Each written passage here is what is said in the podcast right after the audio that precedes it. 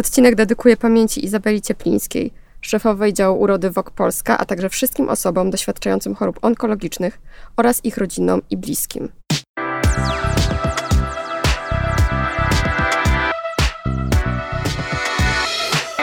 Słuchacie podcastu Beauty Roast and Toast.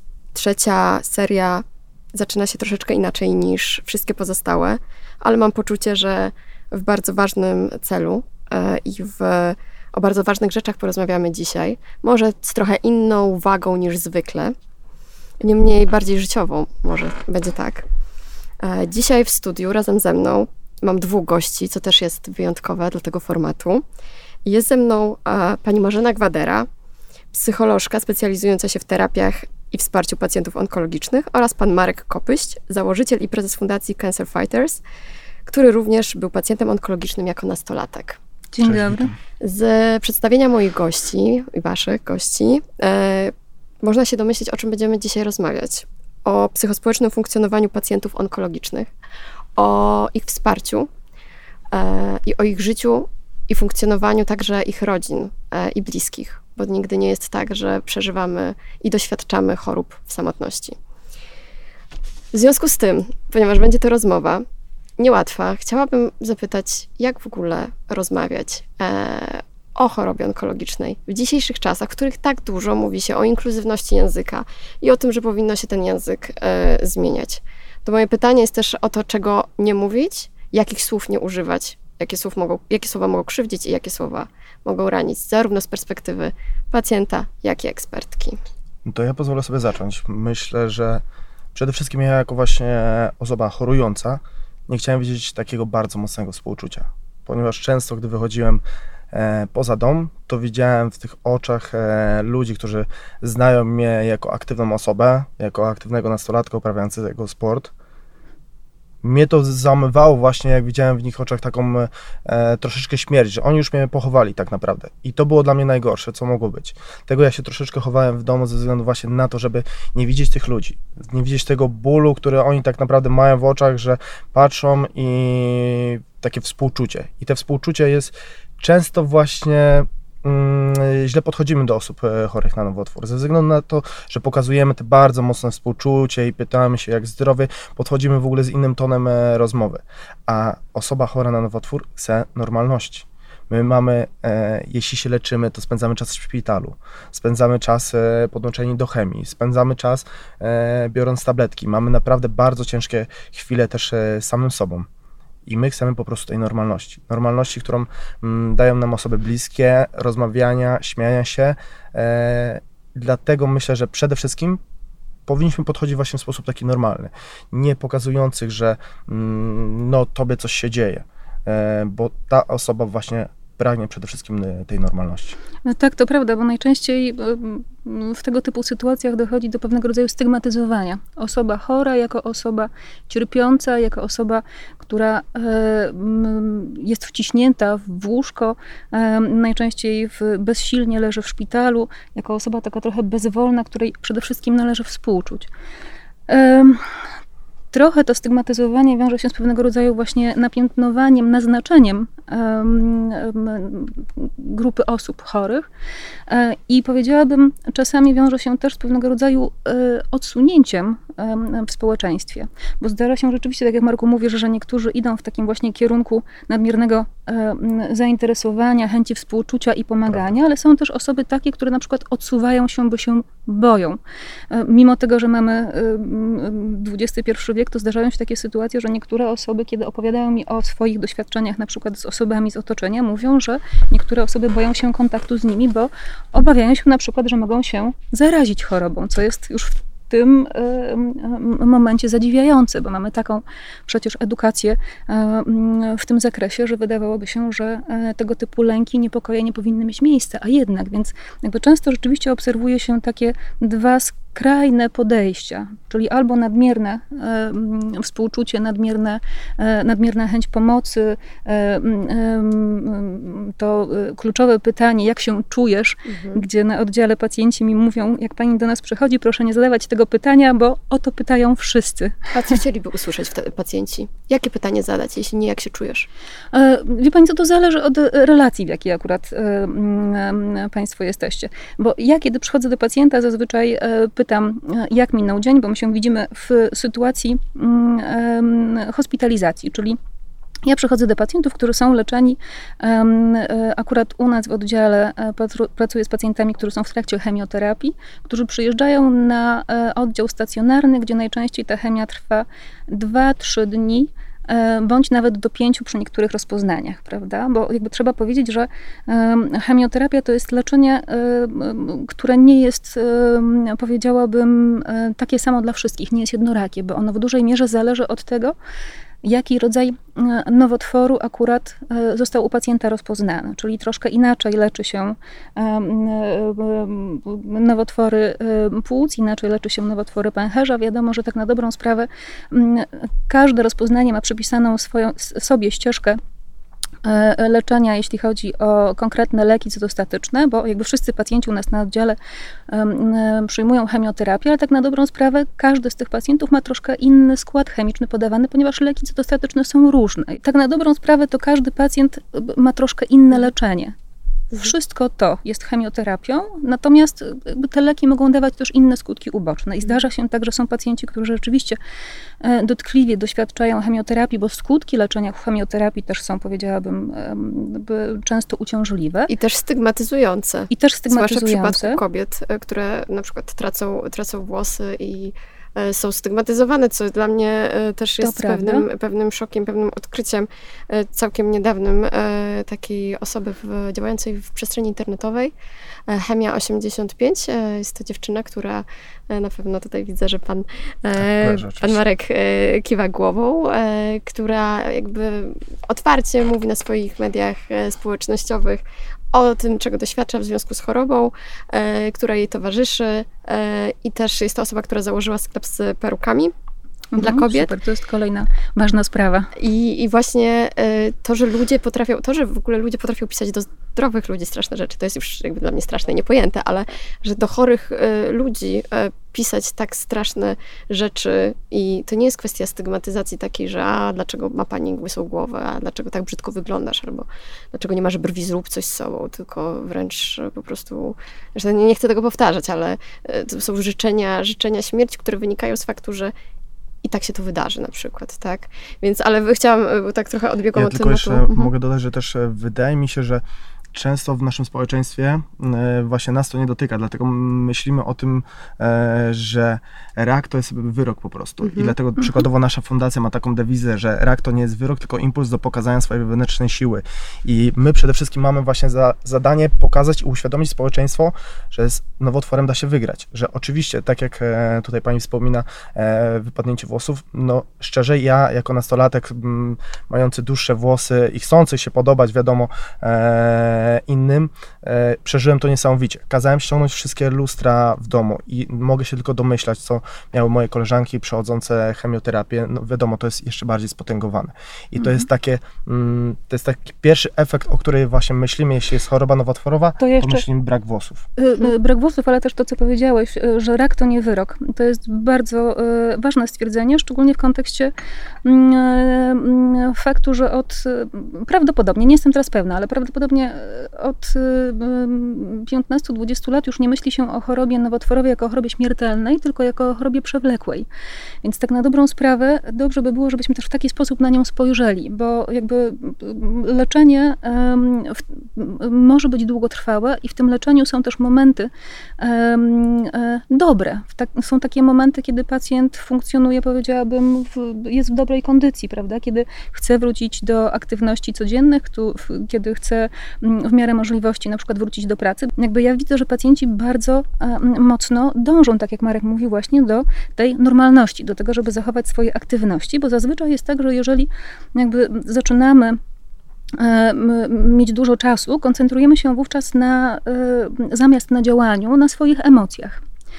I często bywa tak właśnie, że wówczas otwierają się te emocje trudne, Tak refleksje. też poznaliśmy 15 lat temu podczas leczenia. Tak, ja, ja to wszystko zaraz zapytam, tylko e, dlaczego ja zaczęłam e, ten odcinek od pytania o język? Bo Mhm. dla mnie jest ważne po pierwsze, żeby nie popełnić e, i nie powielać jakichś szkodliwych błędów, to po pierwsze, a po drugie, to my kreujemy, to media ostatecznie kreują, kreują języki. Tak, Tak. jest e, i było z, feminy, z feminatywami i myślę, że tak jest w przypadku e, osób mniejszościowych i tak samo myślę, że w tym przypadku czas troszeczkę zmienić narrację właśnie po to, żeby żeby właśnie nie było tych haseł, że rak to wyrok.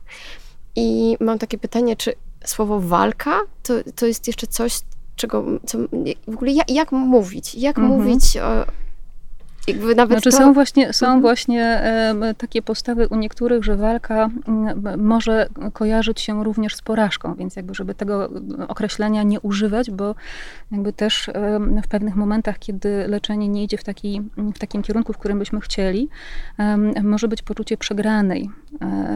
Natomiast ja też e, patrząc na Marka i na jego poczynanie, mam takie trochę poczucie, że u niego walka to jest pewien sens Tak. do działania, bo to ja to też e, myślę, że postaram się zaraz troszkę wytłumaczyć, mówiąc o różnego rodzaju etapach e, radzenia sobie, godzenia się z chorobą nowotworową, gdzie zarówno etap e, walki, jak i smutku, jak i akceptacji choroby następuje. Więc ja myślę, że jakby jeżeli jest e, pewien rodzaj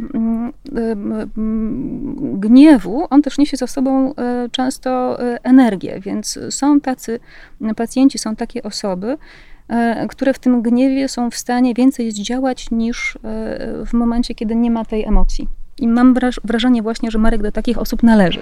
Tak, ja myślę, że to jest, e, każdy przechodzi chorobę nowotworową inaczej i każdy chce też e, innych słów tak naprawdę, żebyśmy używali, więc myślę, że nie możemy ogólnie powiedzieć, że tych słów nie używajcie, tak jak wiadomo są w innych aspektach życiowych, to tutaj w chorobie nowotworowej nie można.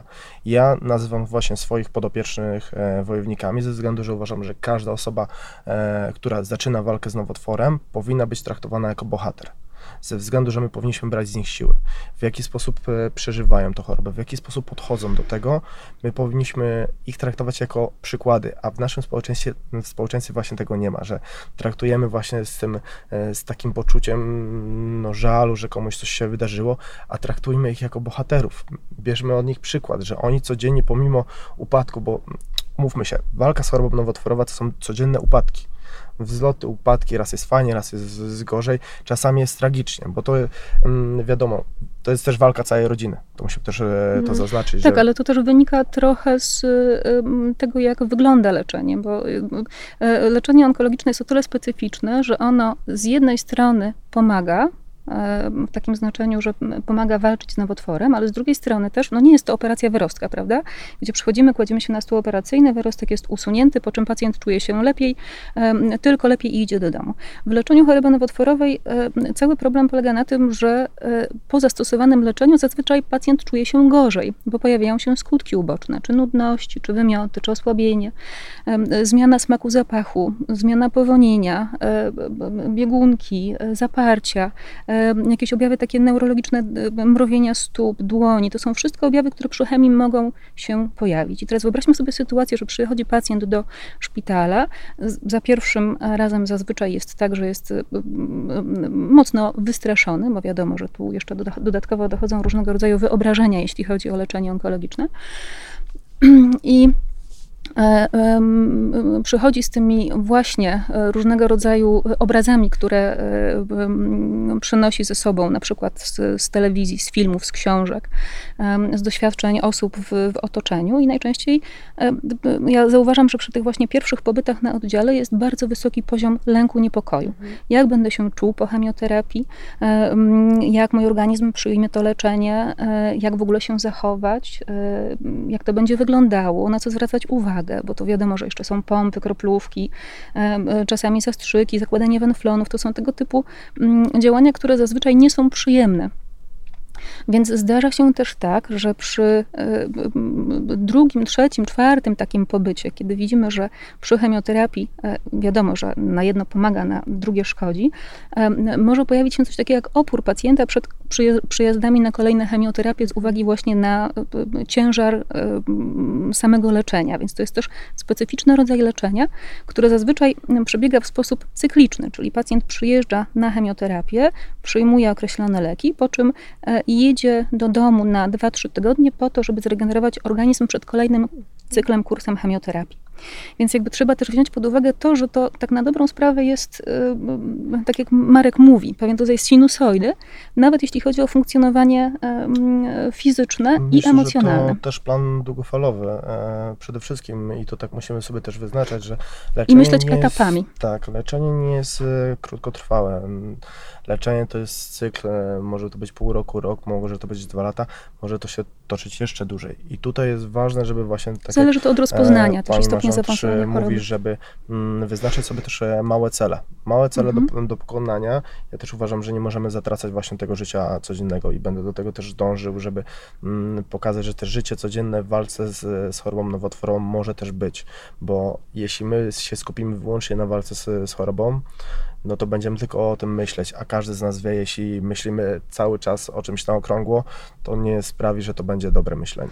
Ja tylko, Marku, y, y, rzeczywiście domknę ten wątek, bo tak jak Marek mówi, małe cele na co dzień, ale też duże cele w kontekście wyleczenia z choroby, czyli nawet jeżeli czujemy się źle mm, po kursie chemioterapii, przyjeżdżamy do domu i może być tak, że przez kilka dni jesteśmy osłabieni, mamy nudności, wymioty e, i potem jest ten okres troszkę lepszego funkcjonowania, to i tak musimy pamiętać o tym, że głównym naszym celem jest wyleczenie z choroby nowotworowej, czyli jakby pomimo tego, że te działania niosą ze sobą dużo przykrych e, e, doświadczeń, e, i tak celem nadrzędnym, celem głównym jest wyleczenie leczenie. Więc myślę, że tak jak Marek mówi, cel główny i potem te cele pomniejsze, e, też trochę aktywizacja siebie w tych okresach pomiędzy jednym a drugim e, kursem chemioterapii, zadbanie o siebie, przede wszystkim o dobrą dietę, bo wiadomo, że tutaj chemia też działa na morfologię krwi, wiadomo, że trzeba uważać na żelaz, żelazo, poziom żelaza, poziom potasu, e, sodu, to tak no jest dużo takich też, aspektów, które dużo aspektów, tak. tolerować i Ale to jest też, to jest też, to jest też taki obszar, który pacjent może kontrolować i na który ma wpływ bo trochę jest tak, że osoba, jeżeli przychodzi do szpitala, trochę powierza się e, swoje, siebie, swoje zdrowie w ręce e, lekarzy i z drugiej strony zapomina trochę też o tym, że sama ma możliwość działania, że sama ma możliwość też kreowania swojej rzeczywistości właśnie w kontekście choroby. I zazwyczaj powtarzam, że tutaj ważne jest właśnie to, żeby zadbać o siebie pomiędzy tymi kursami chemioterapii, czyli zadbać o swoją dietę, o odpoczynek, wypoczynek, zadbać o swoje aktywności. Też bo to są te potrzeby na poziomie biologicznym, mhm. prawda? Bo one też mają wpływ wtórnie na e, odporność pacjenta. Zazwyczaj jest tak, że przy kolejnym kursie chemioterapii, jeżeli pacjent jest, przyjeżdża do nas na oddział, ma od początku robione badanie morfologii krwi um, i jeżeli okazuje się, że one są poza normą, to też nie spełnia warunków do tego, żeby przyjąć tą chemioterapię. Więc pacjent też musi o siebie zadbać w, w tym okresie, żeby móc przyjąć kolejną dawkę leczenia. Dlatego to jest takie złożone. I wymaga, tak jak Marek mówi, e, e, tych celów pomniejszych, czyli zadbanie oprócz e, tych swoich potrzeb biologicznych, jeszcze o potrzeby natury, powiedziałabym, właśnie emocjonalnej, czasami nawet duchowej, prawda? Mhm. Bo wiadomo też, że wiele ja to osób. Tak szybko podsumuję to bardziej też na to, że nasze ciało reaguje na to, co myśli też głowa. I musimy tutaj współgrać po prostu, bo jeśli nie zadbamy też o ciało, no to E, nasza głowa będzie też e, szła w złym kierunku, więc to jest ważna równowaga w myśleniu i też dbaniu o ciało i o głowę podczas właśnie leczenia, że to jest e, niebywale ważne podczas właśnie mm, podejścia do walki z nowotworem, ze względu na to, że jeśli przykładowo my się poddamy, no to nasze ciało też się podda. Mhm. I wiele jest takich przypadków, które miałem na przestrzeni 8 lat prowadzenia fundacji, że beznadziejnych przypadkach rzeczywiście te e, pozytywne podejście, chęć tak naprawdę życia, no bo wiadomo, że na co dzień walczymy tak naprawdę o życie, e, ta chęć zwycięża właśnie chorobę i lekarze nieraz e, nie mogli uwierzyć w to, że są takie przypadki, że nawet właśnie w najgorszych sytuacjach udało się wyjść. Przede wszystkim właśnie to, że ktoś w niesamowity sposób chciał żyć i dawał wszystko z siebie i to rzeczywiście nieraz się udawało. Mhm, mi się wydaje, że w tej sytuacji takie powiedzenie, że wszystko jest w twojej głowie, wydaje się bardzo banalne. Mm, a z drugiej strony y, wychodzi na to, że tak naprawdę ta siła umysłu jest ogromna y, tak naprawdę w tej, w tej konkretnej sytuacji nawet to, co pan Marek przed chwilą powiedział, że tak, że te przypadki e, beznadziejne, ale z dużą siłą walki udawało się jakoś wręcz cudem, bo pewnie tak lekarze to potem no, określają. Myślę, że trochę z pomocą też medycyny. I wiadomo. Konwencjonalnej i czasami niekonwencjonalnej, tak jak słyszę od pacjentów. Ale podświadomość ale po... jest niesamowicie ważnym elementem. To prawda, bo też z drugiej strony należy wziąć pod uwagę to, że jeżeli jesteśmy w bardzo e, przewlekłym, permanentnym stresie, to e, dochodzi do osłabienia naszej odporności, co wtórnie też wpływa na e, możliwości radzenia sobie organizmu z chorobą podstawową, jaką jest, nowotwór. Więc myślę, że tutaj ta biochemia mózgu związana z tym, jak reagujemy na stres i jak długo jesteśmy w, w, w takiej sytuacji właśnie permanentnego stresu, ma bezpośrednie przełożenie na, na zdrowienie. Tak? Mhm. Zadbanie o emocje, nie tylko swoje e, jako osoby chorujące, ale też o emocje całej rodziny czy otoczenia najbliższych, wydaje się tutaj kluczowe. E, tak samo więc obecność psychoonkologa w takiej sytuacji. Czy to się dzieje tak, że taką opiekę ma się z automatu mhm. E, i rozumiem, że w ten sposób spotkali się Państwo e, po raz pierwszy?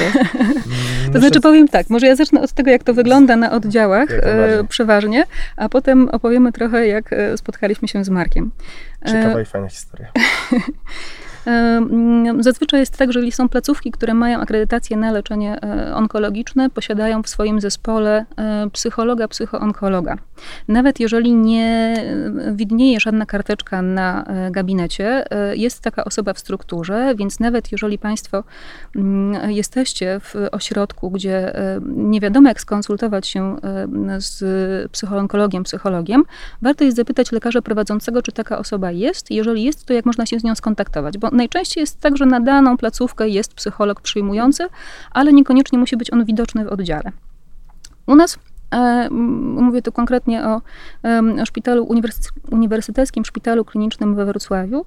E, ja jestem na oddziale stacjonarnie, to znaczy przychodzę codziennie, przechodzę przez salę, bo mamy dwa oddziały. Jeden oddział e, chemioterapii dziennej, bo to też trzeba powiedzieć, że dąży się teraz do tego w miarę możliwości, że jeżeli pacjenci mogą, są z okolicy, mogą przyjechać do szpitala na przykład na przyjęcie chemii jednodniowej, czy tam nawet trzydniowej, ale jakby codziennie przyjechać przyjechać i wyjechać ze szpitala, to też jest taka właśnie teraz mm, tendencja do tego, żeby w miarę możliwości skrócić czas hospitalizacji w szpitalu. Czyli pacjent przyjeżdża do nas na oddział, przyjmuje chemię, potem jeżeli wszystko jest w porządku, jedzie do domu i tak na przykład trzy dni z rzędu, bądź też, to jest ten oddział dzienny, bądź też mamy właśnie oddział, oddział stacjonarny, gdzie przyjeżdżają pacjenci na przykład na dwa dni z noclegiem albo i dłużej. Nawet czasami są tacy pacjenci z rozpoznaniem e, najczęściej nowotworu jądra, którzy są na chemioterapii przez 5 dni, więc ten mm, okres samego leczenia też jest y, y,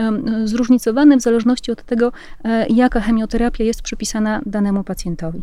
Mhm. Dlatego, kiedy mówimy o chorobie onkologicznej, jakby nie mówimy o takim jednym konkretnym przypadku, tylko mówimy z pewnego poziomu ogólności. Mhm. Tak. Dlatego czasami, jeżeli jakby nie jest się w tym mm, procesie mm, e, na co dzień, nie widzi się tych wszystkich e, mm, zależności, czasami trudno jest tak złapać konkretnie e,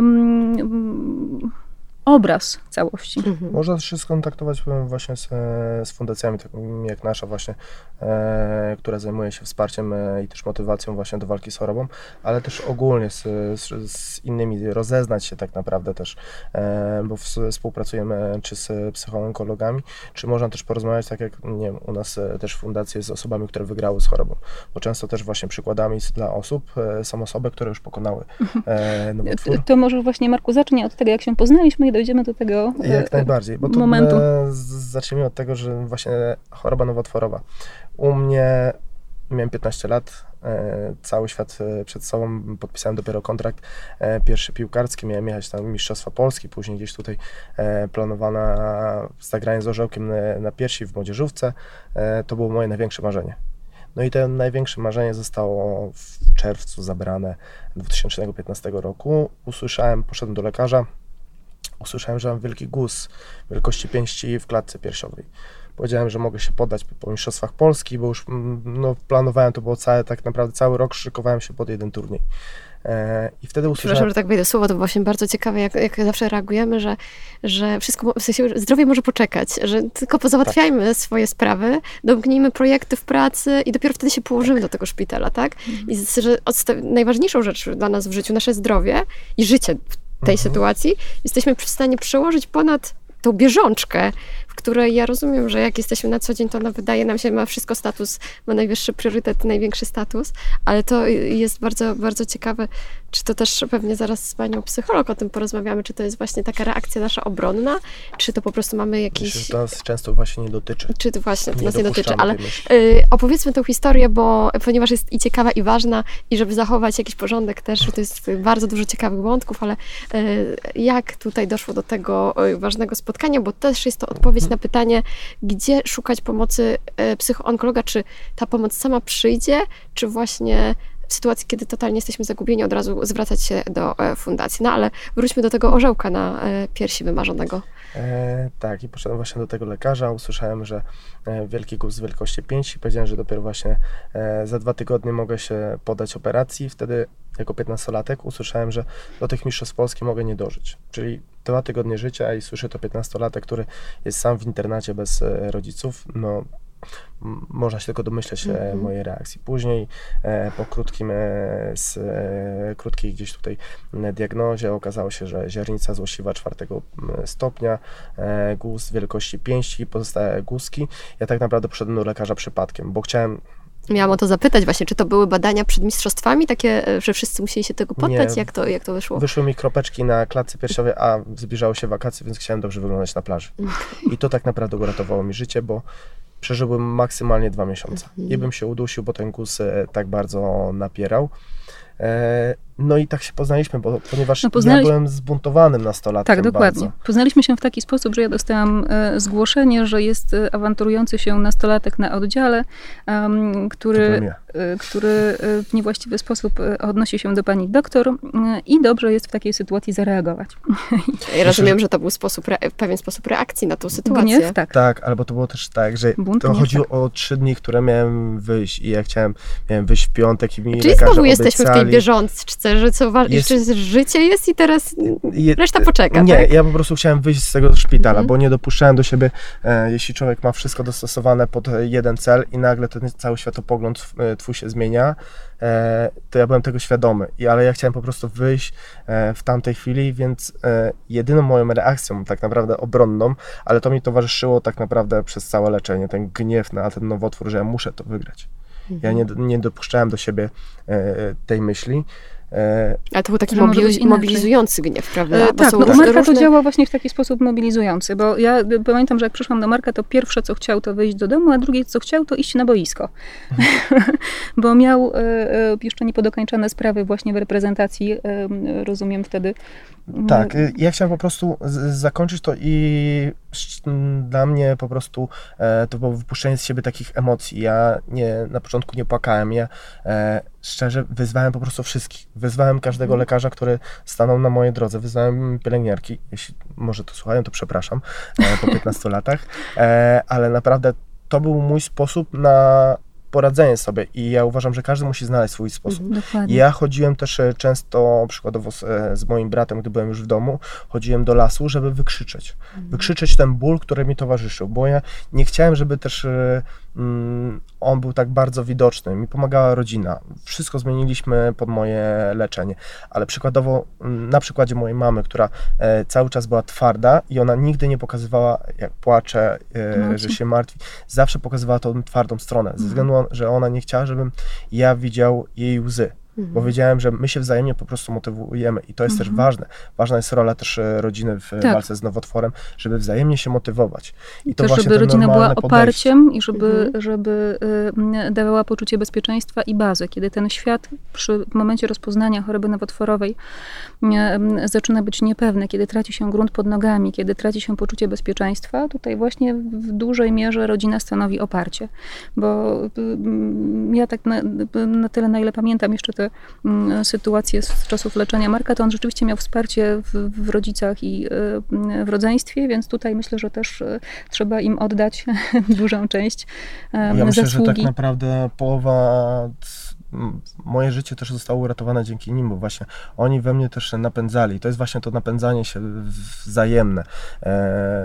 E, żeby właśnie się motywować e, do walki, ponieważ my upadamy, no to w tym momencie jest ktoś bliski i e, do niego możemy też podejść, bo to nie zawsze jest tak, że my musimy też pójść do psychologa. Ja właśnie radziłem sobie też w ten sposób, z, z panią mężem spotkaliśmy się, trochę znowu powiedziałem swoich rzeczy, wykrzycz, mhm. wykrzyczałem ja wręcz. Ja to przyjęłam i też parę rzeczy tak. uporządkowałam.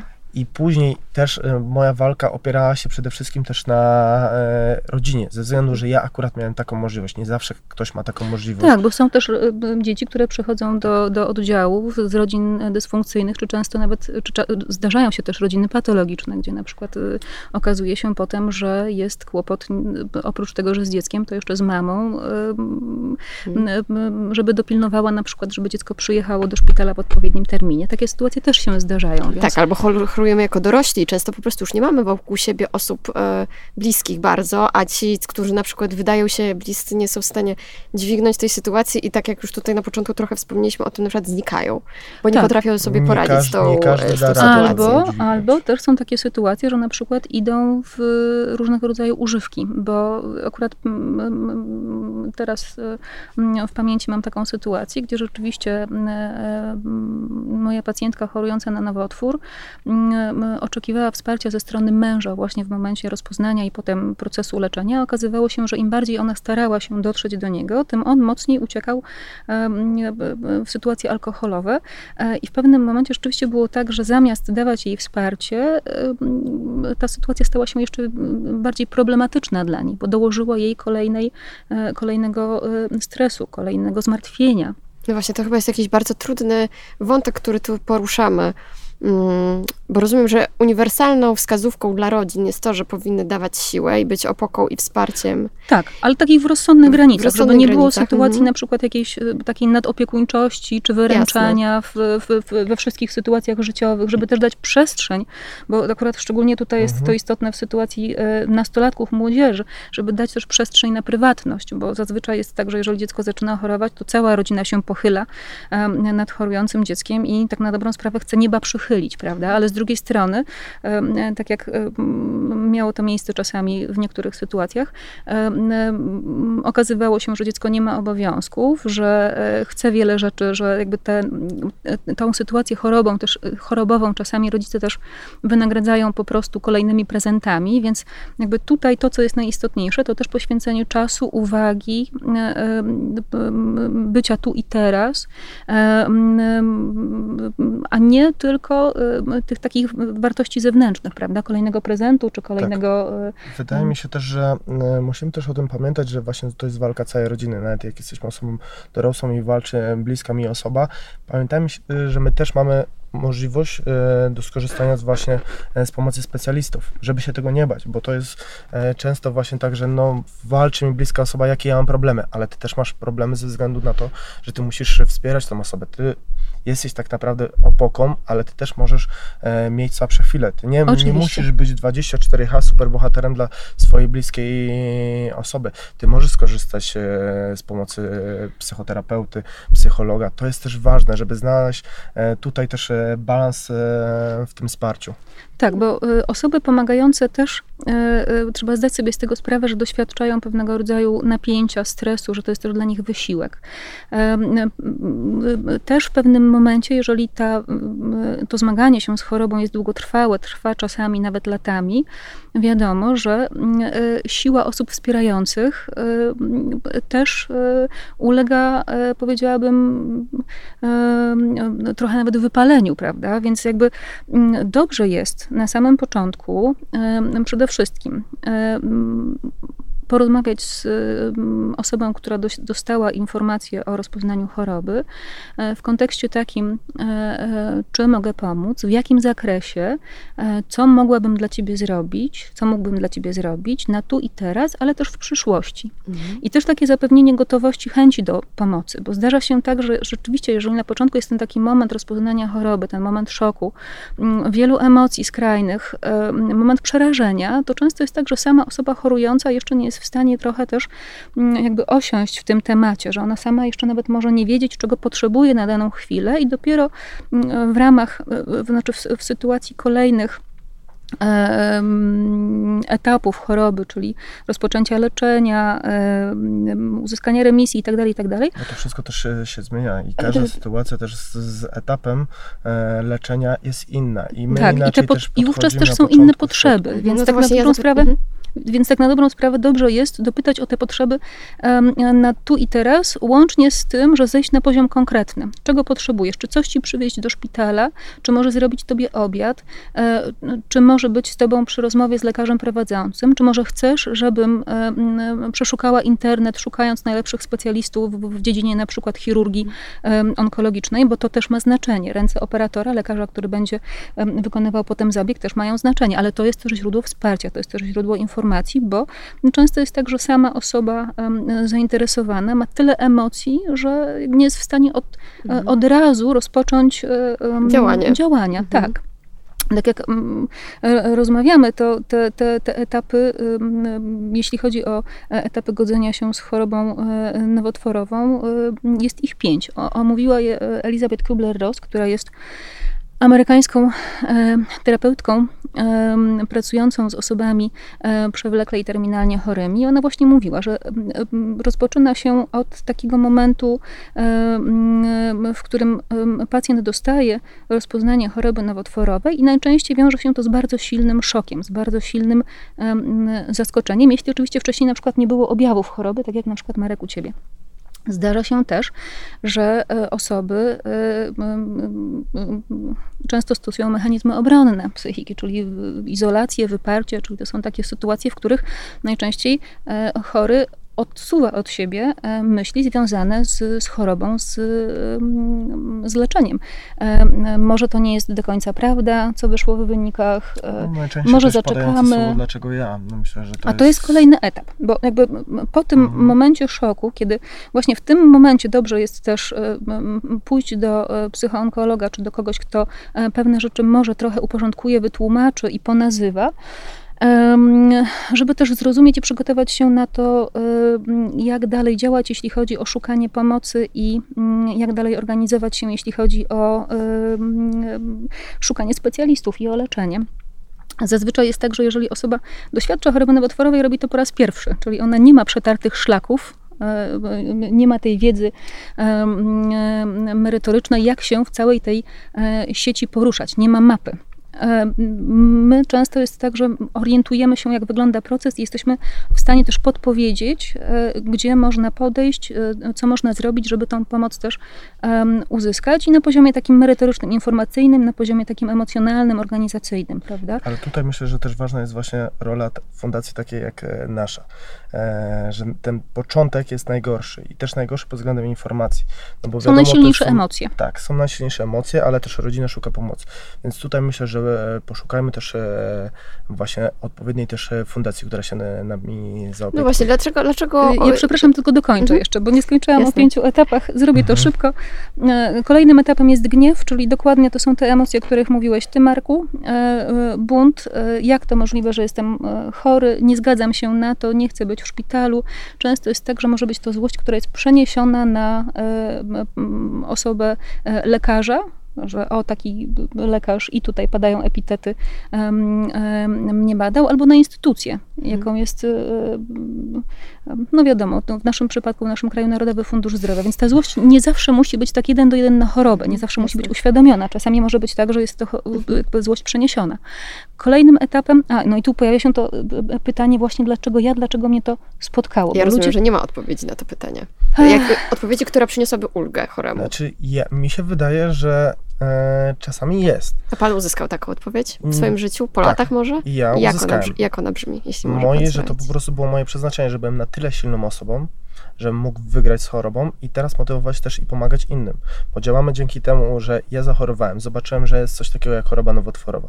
Mi się udało wygrać. Ja miałem w sobie tyle siły, żeby e, się zmotywować, żeby mm, po kilku latach tak naprawdę, bo ja też nie chciałem mówić e, później o chorobie, ale żeby po kilku latach wrócić na oddziały onkologiczne, żeby założyć fundację, żeby fundacja mogła teraz pomagać e, w całej tak naprawdę Polsce e, i małym pacjentom onkologicznym i tym dorosłym. Myślę, że to, to jest moje po prostu było moje przeznaczenie, żeby zachorować. Ja wyniosłem z tego Mhm. plusy. Uważam, że zawsze w chorobie nowotworowej mm, jest tak, że są oczywiście przeogromne minusy, ale są też plusy. Ja przykładowo e, e, podczas swojej walki z chorobą miałem to, że wróciłem do rodzinnego domu.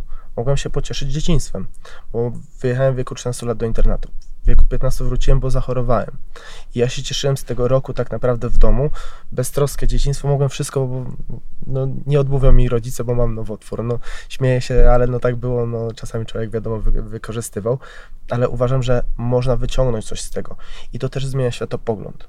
To jest to, o czym mówisz, y, y, to jest nadawanie sensu temu, co się wydarzyło. Czyli ty znalazłeś sens akurat. Tak. y, Ale w- rozumiem, że to się na pytanie. post, post factum, kiedy udało się wygrać z chorobą. Bo tak, powiedział ja nie pan, że, wiedziałem. że Mhm. nie mówił pan o tym, że jest chory. I my mówimy bardzo dużo o emocjach. Też pewnie jest to wstyd, może pojawia się w tym wszystkim. Tak, oczywiście. Ale e, moje pytanie jest takie, czy my, jako osoby, obserwatorzy, bliscy, trochę dalsi, znajomi, rodzina, czy my mamy akceptować po kolei te wszystkie emocje, czy my mamy jakoś działać i wyprowadzać na przykład z takiego stanu zaprzeczenia, albo czy mamy odpowiadać na to pytanie, dlaczego ja właśnie w ten sposób, że posłuchaj, bo mi się to wydaje jakieś straszne, gdyby ktoś mi mówił, że mm, ale to jest po coś większego. A na koniec się tak Mhm. okazuje, że to jednak, jednak właśnie jest jakieś umacniające i budujące, więc mm, co robić? To jest moje pytanie. Je- Mi się wydaje, że mm, czasami po prostu być. I to jest, znaczy inaczej, dla mnie to jest klucz. Po prostu być. Czasami nie musimy nic mówić. Po prostu bądźmy. Jeśli ktoś sobie będzie odpowiadał, e, dlaczego ja, tak powiem na przykładzie mojego przyjaciela, który był ze mną od e, początku e, mojego leczenia, do, do teraz współtworzy ze mną fundację bo on po prostu był. Czasami przychodził, po prostu graliśmy sobie w e, FIFA mm, e, i siedzieliśmy i spędzaliśmy normalnie czas jak nastolatkowie. I on był. Jak wiedział, że chce porozmawiać o tym, no to ze mną rozmawiał. Ale on po prostu był. I myślę, że ta obecność jest najbardziej docenioną rzeczą przez e, osoby chore. I to jest coś, co czasami właśnie ludzie uciekają ze względu na to, że jest e, wiadomo to ciężkie i się boją e, takich odpowiedzi, ale osoby, które są przy osobie chorej, mają też prawo do niewiedzy. Wy nie musicie też wiedzieć, e, w jaki sposób e, mam się leczyć, w jaki sposób odpowiadać. Możecie po prostu być i swoją obecnością dajecie nam naprawdę dużo. Mhm. E, Kiedyś e, przypom- przypomniała mi się taka rozmowa z jedną z pacjentek, kiedy rozmawiałyśmy właśnie o tej kwestii, dlaczego ja. Em, I ona do mnie w pewnym momencie powiedziała tak, Pani Marzeno, no jak to, dlaczego ja, dlaczego ja? A dlaczego miałby być ktoś inny? Mm. No tak. Yy, odpowiedzią, Trudno na to, jest- odpowiedzią na to pytanie jest też, bo taka jest statystyka, bo statystyki są już teraz dosyć no, jakby przerażające, ale może też zbliżają nas do tego. Mówi się o tym, że już co druga osoba w młodszym pokoleniu będzie doświadczała yy, w jakiś sposób choroby nowotworowej. Tak, Mhm. tylko ta wyleczalność teraz wzrasta. Dokładnie. I to jest Mhm. też, e, mamy już inne e, etapy leczenia i inaczej też społeczeństwo myślę m, trochę też e, reaguje. I też mamy trochę inne podejście do profilaktyki, prawda? Bo proszę zobaczyć, że kiedyś, mm, jeśli chodzi właśnie o statystyki, głównym rozpoznaniem mm, chorób nowotworowych u mężczyzn był nowotwór płuc. Teraz zmienia się to na y, raka gruczołu krokowego, więc jest prawdopodobieństwo takie, że ma to związek też z ograniczeniem palenia, prawda? Więc myślę sobie, że tutaj te tendencje powiedziałabym też mm, jeśli chodzi o pewnego rodzaju e, nawyki, bo też mówi się o tym, że na przykład alkohol w nadmiarze może przyspieszać czy sprzyjać e, procesom nowotworowym. Praca w, określonych, w określonym środowisku, gdzie są farby, lakiery, inne substancje chemiczne też może wywoływać mutacje, rozpoczynać procesy nowotworowe, więc myślę, że to środowisko, w którym żyjemy też ma znaczenie, bo z tego co wiem, 80% jeśli chodzi o przyczynę powstawania nowotworów, to są kwestie środowiskowe, a 20% to są kwestie dziedziczne, bo jeszcze też nie możemy o tym zapomnieć, że czasami jest tutaj jeszcze kwestia genetyki. Myślę, że ponieważ etiologia e, chorób, chorób nowotworowych jest bardzo złożona, trudno nam jest jednoznacznie wskazać, co jest przyczyną e, tego, że rozpoczął się u danej osoby proces nowotworowy. A czy to jest pomocne? Czy, my, czy, czy to czy człowiek czuje jakąś ulgę, kiedy wie, dlaczego się to stało? To właśnie ciągle jesteśmy przy tym pytaniu, dlaczego ja tak. i dla, dlaczego? Czy jakby wiedza, że to jest powód y, te, taki, taki, taki, E, ułatwia, bo rozumiem w przypadku znaczy, 15-latka e, żadnego powodu środowiskowego nie było, tylko mm. genetyczny, tak? Tak, nie było też, znaczy babcia zmarła na nowotwór, mhm. ale no to babcia e, po 60 roku życia, no dla mnie jako aktywnego nastolatka, no nie było takiego... No ale to nadal jesteśmy przy genetycznym aspekcie, tak? W sensie, mhm. że, że w rodzinie, w rodzinie było tak. zachorowanie, a nie było to żadna praca przy czymś, czy nadużywanie alkoholu, czy palenie papierosów. Tak, ale zdarza się tak czasami, że u mhm. pacjentów, którzy palą lat latami pojawia się poczucie winy, czy tam taka właśnie wątpliwość, czy sobie przypadkiem nie zapracowałem na ten mhm. nowotwór, tak? Bo to też na przykład e, nowotwór krtani, czy gardła, czy e, pęcherza moczowego też może być wynikiem e, w dużej mierze nikotynizmu, więc te, tak na dobrą sprawę zdarzają się tacy pacjenci, którzy jednak gdzieś tam widzą swój wpływ i też czują w związku z tym winę, prawda? Mhm. Że jakby też zapracowali, że oni rozumieją, dlaczego tak się wydarzyło. Mówią, a pani, przecież ja 20 lat paliłem, no to... No ale oni to mówią z takim, że ale to trochę jest mi przez to lżej, bo wiem, czy jeszcze gorzej, to jest kolejna cegiełka jakiegoś bólu? Nie i... zawsze jest tak, że to pytanie e, e, ruminuje. Nie zawsze mhm. jest tak, że to pytanie jest e, powielane przez cały proces choroby. Zdarza się tak, że ono się pojawia na początku, czy przy tym drugim etapie, Natomiast y, zdarza się też tak, że często y, pacjent orientuje się, że nie potrafi znaleźć tej odpowiedzi jednoznacznej na to pytanie, dlaczego ja. I po pewnym czasie y, okazuje się, że jeżeli zastanawianie się nad tym przynosi tylko ból i cierpienie, to jakby po co? Bo skoro i tak nie znajdziemy tej odpowiedzi jednoznacznej, prawda? Bo wiemy, że etiologia jest taka, a nie inna. E, przecież też e, pracując, bo pracowałam swego czasu właśnie na oddziale dziecięcym, teraz pracuję z dorosłymi, ale e, przecież myśmy mieli tam w, w szpitalu niemowlaki. No to też generalnie... Z wrodzonymi białaczkami. Tak, na przykład. Więc pytając o etiologię, no ja myślę, że to jest winę, ważne. To mnie nauczyła też choroba nowotworowa. Dlaczego tu, a nie, nie gdzieś indziej? To, żeby przede wszystkim korzystać i doceniać życie, bo... Na tu i teraz. Tak, żyjemy tu i teraz. Nie wiadomo, co się zdarzy w danym momencie. Możemy mm, tak naprawdę, wiadomo, wygrać walkę z, z nowotworem, ale nie wiem, zginąć na pasach. Musimy korzystać z życia, doceniać, ale też przy okazji pamiętajmy o swoim zdrowiu. Baw, e, bawmy się, ale się badajmy.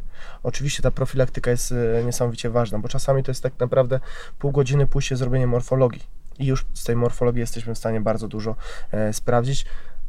Gdzieś tam w tym swoim, e, wiadomo, pędzie życia żyjemy coraz szybciej, chcemy coraz więcej. Mm, dlatego też pamiętajmy, że czasami te pół, pół godziny może zmienić nam bardzo dużo, bo przykładowo, gdybym ja wcześniej zareagował, no to inaczej też by był leczony ten nowotwór. A tak to był też, musiał być od razu do, e, dużą dawkę mm, e, czerwonej wszystko chemii dostosowanej pod e, dużego guza, który do dnia dzisiejszego jest w klatce piersiowej. Dlatego ja korzystam z życia, bawię się, ale dalej mam świadomość tego, że co kilka lat słyszę, gdzie, że gdzieś jest tam możliwy nawrót choroby. I już wiele razy to słyszałem. I za każdym razem mnie to tak samo mroziło. Mhm ale dalej uważam, że będę korzystał z życia, będę napędzał osoby do, e, do tego, żeby walczyły z nowotworem, ale pamiętał też o tym, że może też spotkać jeszcze raz mnie. Mhm. To brzmi jak piękna puenta, ale ja jeszcze nie będę stawiać tutaj e, kropki. E, a ja mogę jeszcze dodać coś do tego? Bardzo proszę. Bo, bo bardzo ładnie mi się to komponuje, to pytanie, dlaczego ja też z kolejnym elementem, czyli z kolejnym etapem, gdzie po tym momencie złości, buntu i naporu przychodzi taki moment targowania się z losem, z Bogiem. I czasami właśnie to pytanie, dlaczego ja, kierowane jest nie tyle do siebie samego, ile czasami również do Jakiejś istoty wyższej, istoty wyższej, od tego, tak, co tam tak, wierzymy. Tak, prawda? dokładnie. I mhm. wówczas też zdarza się, że niektórzy właśnie targują się, że jeżeli będę, zrobię to i to, Boże spraw, żebym został wyleczony. E, jest taki właśnie e, sposób myślenia, bo to też często zdarza się ten... też w bóstwach często. Często zdarza się właśnie ten wątek w, w rozmowie, szukania wsparcia w czymś większym, nie tylko tu i teraz wśród osób nam bliskich, ale też jeżeli nie znajdujemy tutaj czasami pocieszenia, to szukamy dalej. I jeżeli tutaj okazuje się, że w dalszym ciągu leczenie, na przykład po uzyskaniu remisji, zatacza koło i znowu pacjent na przykład wraca do leczenia, bo na przykład pojawia się e, e, rozsiew choroby czy, czy wznowa choroby, wówczas dochodzimy do tego etapu smutku, przygnębienia, cierpienia, gdzie, gdzie często zdarza się poczucie takiej silnej bezsilności, że nie jesteśmy w stanie w żaden sposób e, poradzić sobie z tymi emocjami. E, e, I to są takie, powiedziałabym, bardzo dojmujące uczucia. I wówczas w takiej sytuacji trzeba być bardzo e, wyczulonym na pacjenta, dlatego że też czasami u pacjentów z chorobą nowotworową zdarzają się myśli, ale też działania w, w, w kierunku E, suicydalne, czyli mhm. E, takie myśli samobójcze, działania samobójcze w kierunku odebrania sobie życia, szczególnie jeżeli jeszcze występują na przykład bardzo dotkliwe mm, skutki uboczne. skutki uboczne leczenia, e, albo dotkliwe po prostu objawy wynikające z samej choroby. Więc tu też warto być bardzo e, e, ostrożnym, wyczulonym, obserwować tą osobę nam bliską. I wyciągać ją z tego, gdyby coś, właśnie to jest moje ciągłe, ciągłe pytanie, ono mhm. wraca. I co, jakby, I co my na to? Czy my... Okazywać swoją mhm. gotowość do pomocy, mhm. zauważać, co się dzieje i w niektórych sytuacjach reagować. Na przykład zaprowadzeniem do specjalisty, czy do psychologa, czy do psychiatry nawet, bo czasami w niektórych sytuacjach Konieczna się wydaje też interwencja farmakologiczna, więc myślę sobie, że tutaj nawet jeżeli czasami sam pacjent nie chce, to warto mu pokazać też, co widzimy z boku, z dystansu, porozmawiać na ten temat i starać się jednak z tej sytuacji, z tej, z tej takiej bezsilności wyjść, bo pamiętam ostatnio właśnie miałam jednego takiego pacjenta, który mówił do mnie, pani Marzano, czuję się jakbym czuję się, jakbym był w studni bez dna. Te myśli, które przychodzą, e, te myśli e, związane z bezsilnością, z, jeszcze dodatkowo z obawą przed operacją, są tak silne, że praktycznie nie jestem w stanie poza to wyjść. One ruminują, czyli cały czas nawracają, przychodzą. E, czuję się fatalnie i on twierdził, że u niego to był moment do tego, żeby zadziałać w sposób autodestrukcyjny, więc myślę sobie, że dobrze jest, żebyśmy też obserwowali naszych bliskich i patrzyli, jak ten proces przebiega, bo jeżeli rzeczywiście na tym etapie zostanie udzielona pacjentowi pomoc, albo na przykład zdarzy się tak, że on sam albo przy pomocy bliskich, tak jak na przykład Marek, mm, przepracuje ten e, etap e, smutku, e, takiego głębokiego rozżalenia, to też jakby można przejść do kolejnego etapu, jakim jest akceptacja choroby, tego co się dzieje, czyli uzyskanie takiego większego spokoju, przyzwolenia na to, że w niektórych sytuacjach jesteśmy bezsilni, nie mamy możliwości wpływu na, na, na rzeczywistość, która nas otacza, że nawet medycyna nie ma wpływu, prawda? Więc tak na dobrą sprawę osoby, które jakby osoby, mądre głowy, które w pewnych sytuacjach wiedzą więcej niż my, e, mm, osoby, które jesteśmy z rodziny, osoby bliskie e, chorego. Więc e, tak sobie myślę, że jakby patrząc na, na, na te etapy akceptowania choroby, trochę jest tak, że właśnie mówimy o tych emocjach, uczuciach, które się pojawiają na przestrzeni czasami wielu lat, ale może być też tak, że kolejne etapy etapy, bo ja to, mówię to w sposób taki uporządkowany. Może być też tak, że kolejne etapy przenikają się, że pacjent wraca z, z tego to momentu to nie jest tak, że jesteśmy w punkcie, w punkcie pierwszym już mamy odhaczony, to on już nie. do nas nie wróci, teraz jesteśmy w drugim i trzecim. Nie, on może nie. się powtarzać wiele razy. Tak, bo zdarzają się na przykład badania, badania po y, kilku kursach chemioterapii, badania y,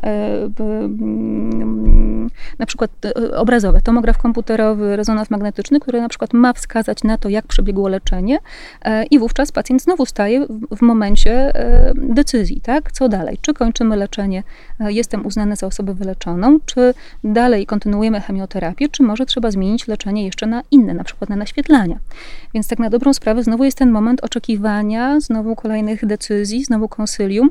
Jakby cały czas jest ten poziom takiego niepokoju, stresu. Nie mamy takiego poczucia, że mhm. jest to domknięte. Mhm. Znaczy myślę, że domknięte to nie będzie przez najbliższe kilka lat, nawet po zakończeniu leczenia, bo często się o tym zapomina też, że mm, dobrze jest ten fajnie, zakończyliśmy okres leczenia, ale i tutaj postawiłem, postawiłem naprawdę e, duże pytanie, co dalej?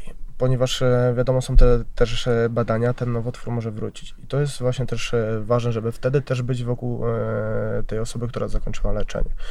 Ponieważ wiele osób nie, nie umie sobie poradzić właśnie z tym, że zakończyło leczenie i ma tą bojaźń przed tym, że to nam wróci. Mhm. I myślę, że ta bojaźń jest straszna.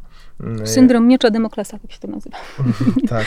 E, ja przede wszystkim właśnie się bałem tego, e, że ten nowotwór może wrócić. I pamiętam e, dwa lata po zakończeniu leczenia usłyszałem pierwszy raz, że mm, e, może być e, nawrót choroby, że znowu coś się pojawiły, jakieś e, zacieki na, mm, na płucach i może to oznaczać właśnie nowe choroby.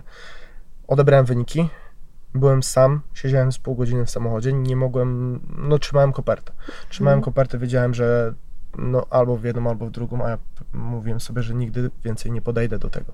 To jest też wiadomo straszne, ale nie chciałem nigdy więcej tego przeżywać, bo na koniec dnia mówimy o czymś strasznym, o czymś, co mm, co wiadomo, że też e, na jakiś stopniu z, z, zrujnuje wiadomo, gdzieś tam e, życie. I dopiero po czasie tak naprawdę, wiadomo, mhm. wyciągamy też e, te fajne też e, plusy, które mi się udało właśnie Wnioski. Czasami, jest, czasami pacjent jest w stanie rzeczywiście przewartościować, przeformułować to zdarzenie trudne, często traumatyczne, na takie, które daje siłę właśnie na przykład poprzez e, pomoc innym osobom. Przepraszam, Marku, że ci tego mhm. w słowo, ale właśnie jakby trochę zataczając znowu pętlę e, do tego, co było mówione wcześniej, e, po tym jak poznaliśmy się na oddziale, rzeczywiście było tak, że Marek był leczony 8 miesięcy? Mhm, tak, 8 miesięcy. 8 miesięcy. Dużo czasu spędzał z rodzicami na spacerach. W miarę możliwości wychodził poza klinikę, kiedy było to tylko możliwe. Ale też potem, kiedy został wyleczony, kiedy ja miałam problemy na przykład z nastolatkami, e, którzy tak jak Marek reagowali buntem, złością, albo nawet e, w taki sposób na przykład reagowali, że przychodziłam do... ile znamy epitetów. Pani wtedy wysyłała Marka do nich, tak? Popro prosiłam Marka o pomoc, tak. Mhm. Bo jakby na zasadzie takiej, że czasami jeden obraz jest e, wart tysiąca słów, zdarzało się rzeczywiście tak, że jeżeli przychodziłam do danego pacjenta i widziałam, że on leży odwrócony do mnie plecami i ja mówię do pleców, i widzę, że ten pacjent nie reaguje, to zazwyczaj było tak, że prosiłam też Marka o pomoc, bo miałam wrażenie, że w pewnych sytuacjach, jeżeli chłopcy mają podobny sposób funkcjonowania, to też szybciej zaskoczy tego typu relacja niż na przykład relacja ze mną, mhm. osobą, która jest jednak starsza, zdecydowanie starsza. kobietą. E, kobietą. Poza tym jeszcze jestem też jakby osobą, która pełni pewną funkcję, czyli jestem po stronie lekarzy, jestem od nich, mhm, więc tak. jestem ta zła. To też się troszkę inaczej rozmawia wówczas, szczególnie z nastolatkami i od tego się zaczęło. Bo ja też... No właśnie, czyli jakbym zapytała, kiedy powstała fundacja e, Cancer, Cancer Fighters, to wychodzi na to, że w zasadzie wieku kilkunastu lat już powstała. Tak, troszkę później, powstała bo to... troszeczkę w takim, później. oczywiście mm. żartuję trochę w tym momencie, nie chodzi mi o samą instytucję. Ale wtedy się budowała. Tylko to, to, te działania e, były już takie, bo ja rozumiem, że jedną z tych, mm, z tych e, dróg, którą można obrać, jeśli nie mamy na przykład, albo sami nie jesteśmy w stanie udzielić e, wsparcia chorej osobie, to możemy ją zabrać E, do innych osób, które tego samego doświadczają i to jest o tym obrazie, że ten jeden obraz jest wart więcej niż tysiąc słów, więc jeśli e, ta osoba zobaczy inne osoby, które doświadczają tego samego, e, przechodzą w podobny sposób, dzielą się podobnymi wątpliwościami, czy pytaniami, czy tym poczuciem niesprawiedliwości, bo domyślam się, tak. że, że to się najczęściej pojawia, jest, jest im łatwiej, więc to jest odpowiedź na pytanie, dlaczego warto się do tej fundacji ostatecznie zwrócić. Też, Myślę, ale przepraszam, y, ale też y, czasami dobrze jest uszanować zdanie samego chorującego, ponieważ ja mam takie doświadczenie, że zazwyczaj jest tak, że osoby wybierają sobie osoby, z którymi chcą rozmawiać. Nie zawsze jest to ta osoba nie najbliższa. Zawsze to my.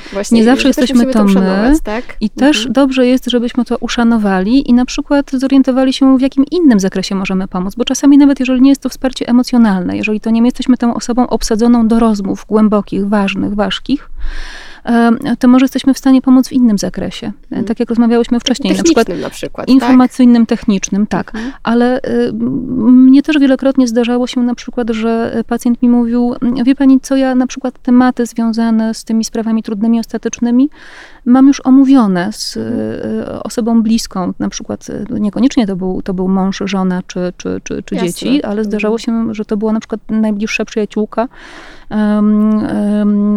a to też były, powiedziałabym, tematy wykraczające nawet poza e, życie doczesne tu i teraz, więc tak mhm. na dobrą sprawę ten poziom głębokości myślę, że był, powiedziałabym, dość znaczny, spory, więc ja to też szanowałam, bo jakby mam mhm. świadomość tego, że każdy ma daną osobę zaufaną, czy, czy taką osobę, z którą ma poczucie nawiązanej relacji, bliskości. Jeżeli tak jest, jeżeli widzę, że pacjent czy osoba akurat chorująca w danym momencie funkcjonuje w miarę dobrze w zakresie oddziału i takiego życia codziennego, to ja jestem też spokojna, bo ja mhm. mam świadomość tego, że to nie zawsze musi być psychoonkolog, nie zawsze musi mhm. być psycholog. Tą osobą, która jest tak? Ja teraz myślę, że też można dodać, żeby mm, poszukać też właśnie no, w dobie internetu, w tym momencie, gdzie e, możemy wszystko znaleźć, żeby poszukać osobę z podobną też historią. Podobną historią, podobną diagnozą. Tak na, można też wejść na nasze social media, gdzie znajdziemy też historię osób właśnie, które wygrały z, z chorobą i dzielą się, się tym, bo ja też zachęcam do tego, że jeśli pokonało się chorobę, mm, każdy pokonuje to na swój sposób, to żeby się podzielić też e, tymi historiami. Ze względu tak? na to, że można wziąć e, coś pozytywnego, uważam, z każdej e, To prawda. Osoby. Przy czym też trzeba, trzeba uważać w takim kontekście, żeby... Yy, bo zdarzają się na przykład takie sytuacje, w których niektórzy mówią o chorobie w, w taki sposób, że raczej zabierają nam energię, a nie pomagają nam. No tak, ale to chyba w życiu trzeba się raczej e, tak. do wszystkich tematów stosować tej zasady, żeby tak. nie Tutaj poświęcać... musimy zrobić na pewno selekcję, dlatego właśnie zachęcam do tego, mhm. E, żeby tak naprawdę wejść i też e, jeśli są takie rozmowy właśnie jak nasza w tym momencie, która ma też zainspirować kolejne osoby do tego, mm, żeby właśnie walczyły, żeby wiedziały w jaki sposób walczyć, czy też e, rodziny, mm, żeby poszukać właśnie odpo odpowiedzi, też czasami nie w internecie czytać o swojej chorobie, tylko poszukać osób, które właśnie zwyciężyły w podobny sposób, mhm. z podobną e, diagnozą, bo to widzę po latach doświadczeń, że to naprawdę e, dużo może zmienić i dużo niesie, bo tak jak e, działaliśmy z, z panią Marzaną na samym początku, właśnie przed e, fundacją, że przychodziłem do tych nastolatków, którzy m, mm, gdzieś tutaj potrzebowali wsparcia, tak to dalej e, w naszej fundacji działa, że e, czy przychodzę ja, czy przychodzą inne osoby, które e, walczyły z chorobą, czy ostatnio mieliśmy właśnie e, 18-latkę, która z, zachorowała. I nasza też, e, m, też wolontariuszka przyszła, która wygrała w tym samym wieku z tą samą chorobą, bo wiedziały, na jaki temat mogą rozmawiać. Tak, to już jest I inna płaszczyzna jest... porozumienia. Dokładnie. I myślę, że to jest Człowiek ro rozumie w pół zdania. Hmm. Dlatego, e, tak jak rozmawiamy, nie zawsze to musi być ktoś bliski, jeśli chodzi o te tematy ważne, ważkie, bo y, czasami właśnie brakuje w tej sytuacji takiej, takiej nici y, porozumienia, na zasadzie jesteśmy w tym samym momencie. Ale z drugiej strony też y, nawet bycie, trwanie przy osobie chorej, okazywanie zainteresowania, chęci pomocy, E, nawet wypełniając wolny czas, nawet organizując jakieś e, działania, powiedziałabym, e, takie codzienne, to jest też duża, duża wartość, duża mhm. pomoc. Nie należy temu w żaden sposób umniejszać. Mhm. Ponieważ powoli będziemy musieli kończyć, a to jest temat, myślę, że na 8 godzin co najmniej podcastu, a nie godzinę z kawałkiem. Ja mam trzy pytania. Pierwsze jest Chciałabym wrócić do tego momentu, e, gdy pan Marek siedzi w tym samochodzie z kopertą z wynikami. E, I tu powiedział pan, że e, już miał w sobie taką myśl, że jeśli trzeba będzie podjąć walkę po raz kolejny, to pan się na to nie pisze. I czy my mamy uszanować w takiej sytuacji, czy pacjent ma prawo podjąć taką decyzję i my, my, my, my powinniśmy ją uszanować. To znaczy ja, y, myśmy rozmawiali z, jadąc tutaj y, samochodem do Państwa na ten temat i y, Marek po, powiedział, że na tym etapie troszkę inaczej już patrzy na tą sytuację. Tak, to, troszeczkę wiadomo, człowiek e, w tym momencie inne życie, inne też e, wartości. wartości e, i też na sam koniec e, nie chciałbym widzieć e, łez bliskich i to jest e, wiadomo w na tamtym, w tamtym akurat etapie, gdy usłyszałem to e, pierwszy raz, no to byłem dalej e, w wieku około 20, 20 lat, dalej buńczuczny strasznie mm, i naprawdę nie chciałem. W tym momencie wiem, że to było też e, błędne myślenie, e, ale też uważam, że miałem po prostu do tego też e, prawo. Ja przyszedłem też e, swoje, każdy może myśleć na swój sposób o też e, o chorobie. Ważne, żeby tak naprawdę i przez jakiś okres czasu, bo to też wiadomo był mm, pół godziny, dopóki ja nie otworzyłem tych wyników, do których myślałem, no nie, nie, nie, nie, nie podejdę do tego. I 30 minut mówiłem sam, sam do siebie, siedziałem, krzyczałem, wszystko robiłem. Dopiero gdy otworzyłem, no to wiadomo, ogrom, ogromna ulga, tylko my musimy dać sobie tak naprawdę prawo do wszystkich emocji, które są tak, wokół nas. A często świat nas blokuje z emocjami. E, my sami siebie e, blokujemy, że czegoś nam nie wypada. To tak jak właśnie było kiedyś w społeczeństwie, że nie mogliśmy chodzić do, do psychologa, że było to troszeczkę mhm. takie naznaczone. Mhm. W tym momencie ja zachęcam, sam e, chodzę, sam czasami chcę porozmawiać z kimś innym niż tylko z rodziną, bo uważam, że to jest też ważne, żeby zasięgać opinii nie tylko rodziny, ale też specjalistów i też właśnie ludzi, no. którzy znają się i wiedzą, w jakim etapie my możemy w tym momencie być życia. Y, y, często to wiąże się też z takim faktem, że pacjenci, y, osoby chorujące boją się obciążać niektórymi swoimi emocjami bliskich, bo też widzą, jak bliscy reagują. No sam pan Marek powiedział, że nie chce widzieć łez swoich bliskich, tak? tak. Czyli właśnie nie, że bo... ja, ja mam tak źle, e, albo ja tak cierpię, tylko jeszcze myślenie o tej drugiej stronie, że te tak. łzy bliskich, które może tak nie bolą jak ten rak i ta chemia, którą się przechodzi, mimo wszystko jest może czasem jeszcze bardziej bolesne. Z, dokładnie, bo zdarza się tak, że bliscy przeżywają czasami bardziej niż sam pacjent. Mhm. Mają mniej poukładanych emocji niż sam pacjent, więc jakby też czasami mając świadomość tego, osoba chorująca w jakiś sposób dystansuje się na pewien czas, po to też, żeby dodatkowo jeszcze nie dokładać e, zmartwień czy trosk. Mhm. Tak jedno z kończących pytań mm, jest do pana Marka o to, e, bo jednak ciągle żyjemy w społeczeństwie, w którym mężczyznom w kwestiach emocji e, mniej mówi się. Mam nadzieję, że już tym najmłodszym się tego nie mówi, ale jeszcze myślę, tak z naszego pokolenia mówiło się, że chłopaki nie płaczą i do tych emocji nie do końca mieli prawo. Wtedy byli porównywani na przykład płaczący do kobiet, tak, jak nie masz się jak baba, to, to, to jest takie sformułowanie. Czy i to też chyba jest pytanie do, do psychologa, czy mężczyznom trudniej jest poradzić sobie z chorobą niż kobiety, z chorobą niż kobietą mhm. w Polsce, chorobą onkologiczną. Myślę, że tak jak rozmawiamy, to każdy e, przykład danej osoby jest inny i każdy reaguje inaczej na e, choroby. Ja przede wszystkim zawsze mówię, żeby nie bać się tych emocji, żeby mówić o tym, bo to, że e, my płacząc pokazujemy też swoją siłę, że nie, nie boimy się tego.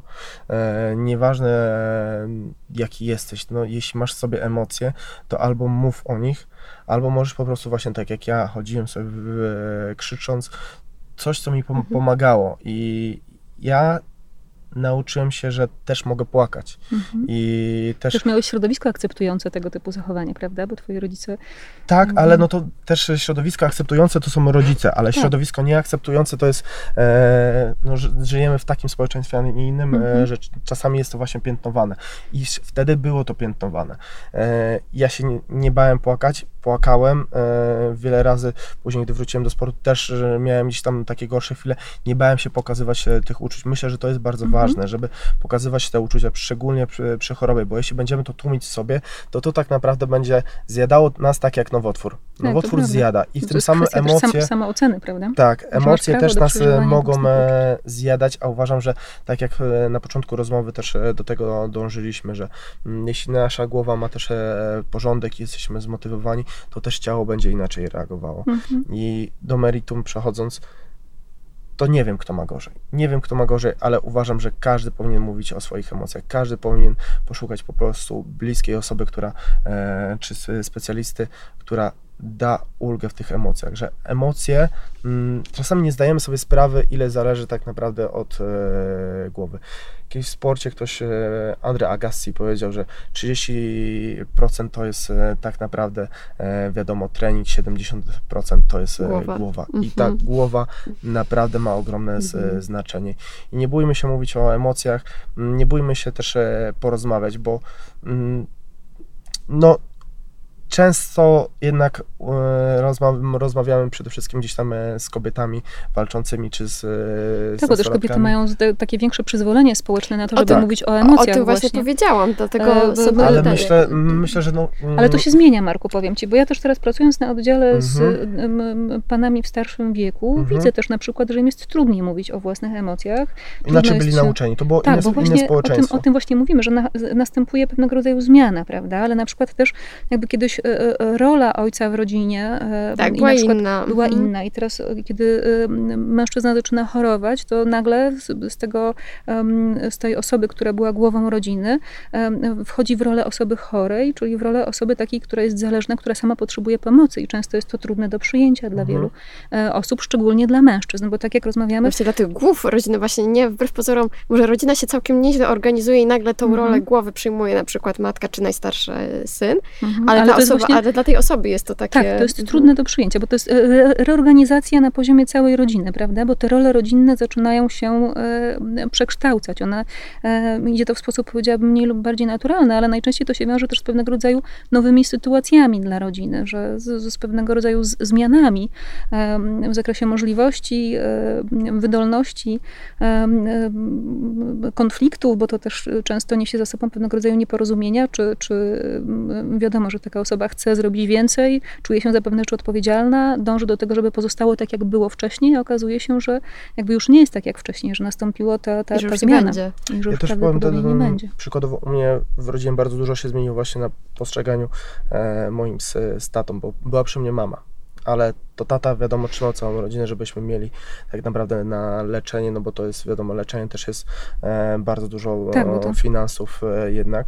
To tata na dwie pracy pracował i ja nigdy nie widziałem, że tata był smutny, on zawsze pokazał przy mnie siłę, ale kiedyś jedna z jego pracownic po latach powiedziała mi, że tata był załamany tym, ale on tego nie pokazywał e, w domu. On przyjeżdżał do domu, robił wszystko po prostu, żeby nam było dobrze Mhm. i tak naprawdę ja myślałem, że tata tego nie przeżywa. Mhm. A okazało się, że on przeżywał to po prostu wewnątrz e, siebie, pokazywał Gdzieś e, indziej. upust emocjom i on Mhm. sz- szczerze, jak wtedy to usłyszałem, to najwięcej zyskał e, w moich oczach, wiedząc, że on tak naprawdę e, pokazywał też te swoje emocje, ale wo- wokół nawet, że mm, on nie, nie krył sam siebie mm, z tymi emocjami, że on starał się pokazywać, ale nie wobec mnie, że mnie miał motywować, ale Mhm. pokazywał te swoje emocje Bo na zewnątrz. Dokładnie, bo tutaj mówimy o, takich, y, y, o takim właśnie wsparciu, które jest w tej pierwszej linii, czyli prawda, mówimy o mamie, tacie, o osobach Mhm. bliskich, ale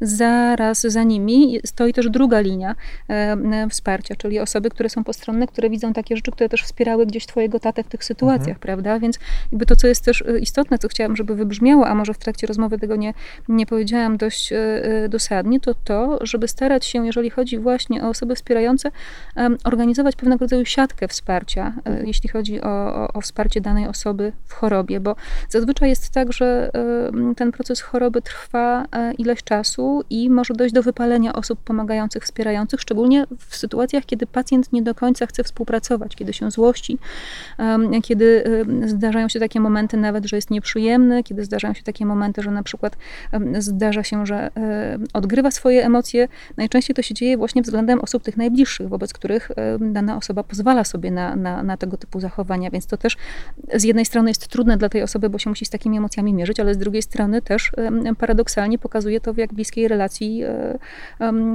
z, z chorym realnie się jest. Natomiast jakby trzeba pamiętać o tym też, że osoby z tej pierwszej linii też potrzebują tej drugiej linii wsparcia. E, I że dobrze by było, żeby to była siatka Mhm.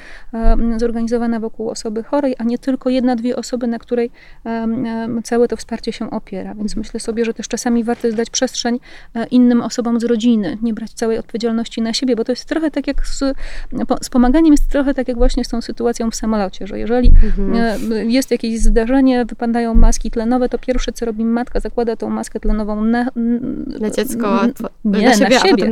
Mhm. Właśnie po to, żeby móc ratować e, tą osobę, która wymaga pom- pomocy, która jest słabsza. Więc w tej sytuacji podobnie, jeżeli czujemy, że pomaganie w jakiś sposób jest dla nas zbyt obciążające, poszukajmy też pomocy, żeby ktoś dał nam oparcie, żebyśmy my mogli wspierać też osobę e, e, chorą, bo tak na dobrą sprawę zdarza się często tak, że osoby e, wspierające wypalają się po czasie i też doświadczają e, depresji czy, czy różnego rodzaju tego typu sytuacji, prawda? Tak, to do, doświadczenia takie uniwersalne, nawet e, w przypadku wojny w Ukrainie, która wybuchła i przecież tak dużo osób wolontariackich zgłosiło się do pomocy, po kilku mi- miesiącach było wypalonych, wyczerpanych, Mhm. y, z problemami jakby jak udźwignąć te emocje i też jak skąd wziąć siłę na to, bo to jest proces długi właśnie, to nie jest moment, Tak. chwila, że trzeba się zmobilizować, wszystkie, wszystko, wszystko z siebie dać w tym momencie i potem się regenerować, nie? Trzeba Dokładnie. właśnie... Dlatego dobrze jest też czasami podzielić te e, obowiązki. Na przykład m, dana osoba z rodziny zajmuje się jedną sprawą,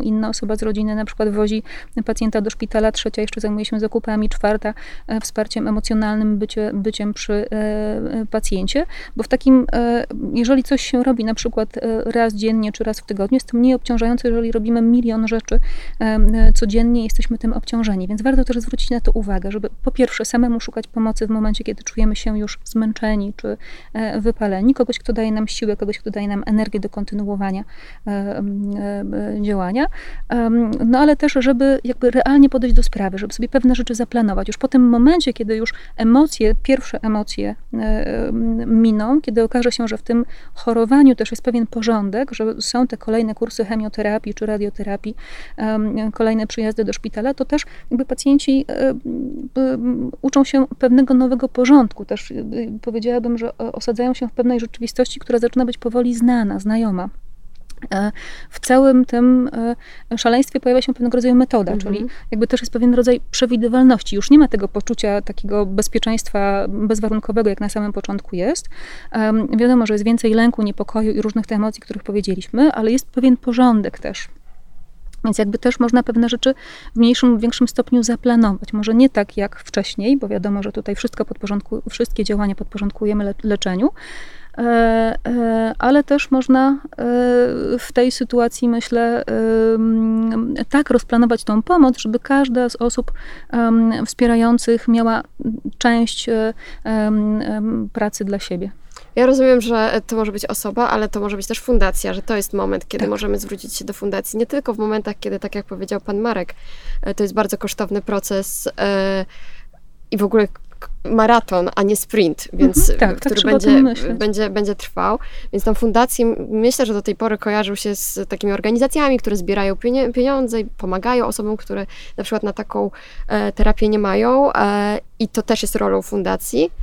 Tak, e, jeszcze tylko dokończę moje pytanie, ale też e, fundacja może być tą częścią tej siatki pomocowej. Dobrze to rozumiem? Tak, e, może być częścią właśnie tego ws- wsparcia też finansowego, no bo to jest przede wszystkim właśnie te dojazdy, tutaj cała ta otoczka wokół choroby nowotworowej też jest bardzo kosztowna, więc tutaj też się można zgłosić oczywiście do tego, żebyśmy pomogli też zebrać te fundusze, Mm, ale rolą fundacji też jest właśnie wsparcie takie e, motywacyjne, bycie na co dzień, czyli my też jesteśmy dla naszych e, pacjentów, naszych podopiecznych, e, kilkuset podopiecznych, jesteśmy też opoką, jeśli coś się dzieje, to mogą też do nas zadzwonić. My staramy się też im pomóc, ingerować mm, w ich gdzieś tutaj, wiadomo, życie, mm, żeby mogli właśnie zaczerpnąć pomocy też u nas.